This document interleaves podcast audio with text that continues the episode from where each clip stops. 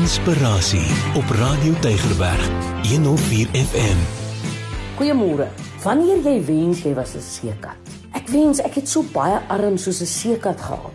Dan kon ek alles te gelyk doen. Kry ek die boodskap op my slimfoon.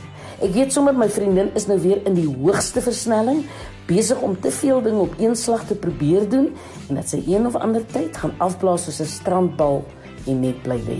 Sy het nou maar eenmal 'n temperament waar sy alles in die oortreffende trap doen teen die hoogste versnelling. Spring net in en begin met 'n ding. Kom halfpad agter iets werk nie lekker nie en begin dan met iets anders.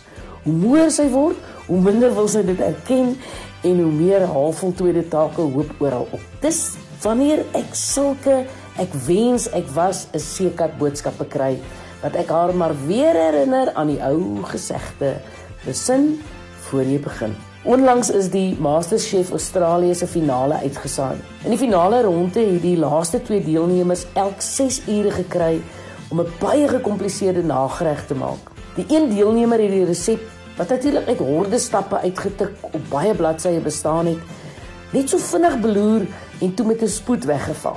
Nou op 'n stadium het mense net vlamme bokant een van die potte sien uitskiet. Toe een van die beoordelaars hom vra hoekom hy die brandewyn laat brand, antwoord hy: "Dit staan so in die resep."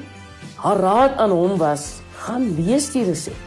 Wat daar gestaan het, was dat hy die brandewynsous oor 'n lae hitte moes hou om seker te maak dat dit nie ontvlam nie. Maar in sy oorhaastigheid het hy 'n groot fout gemaak en het hy tyd verloor omdat hy iets weer moes oordoen.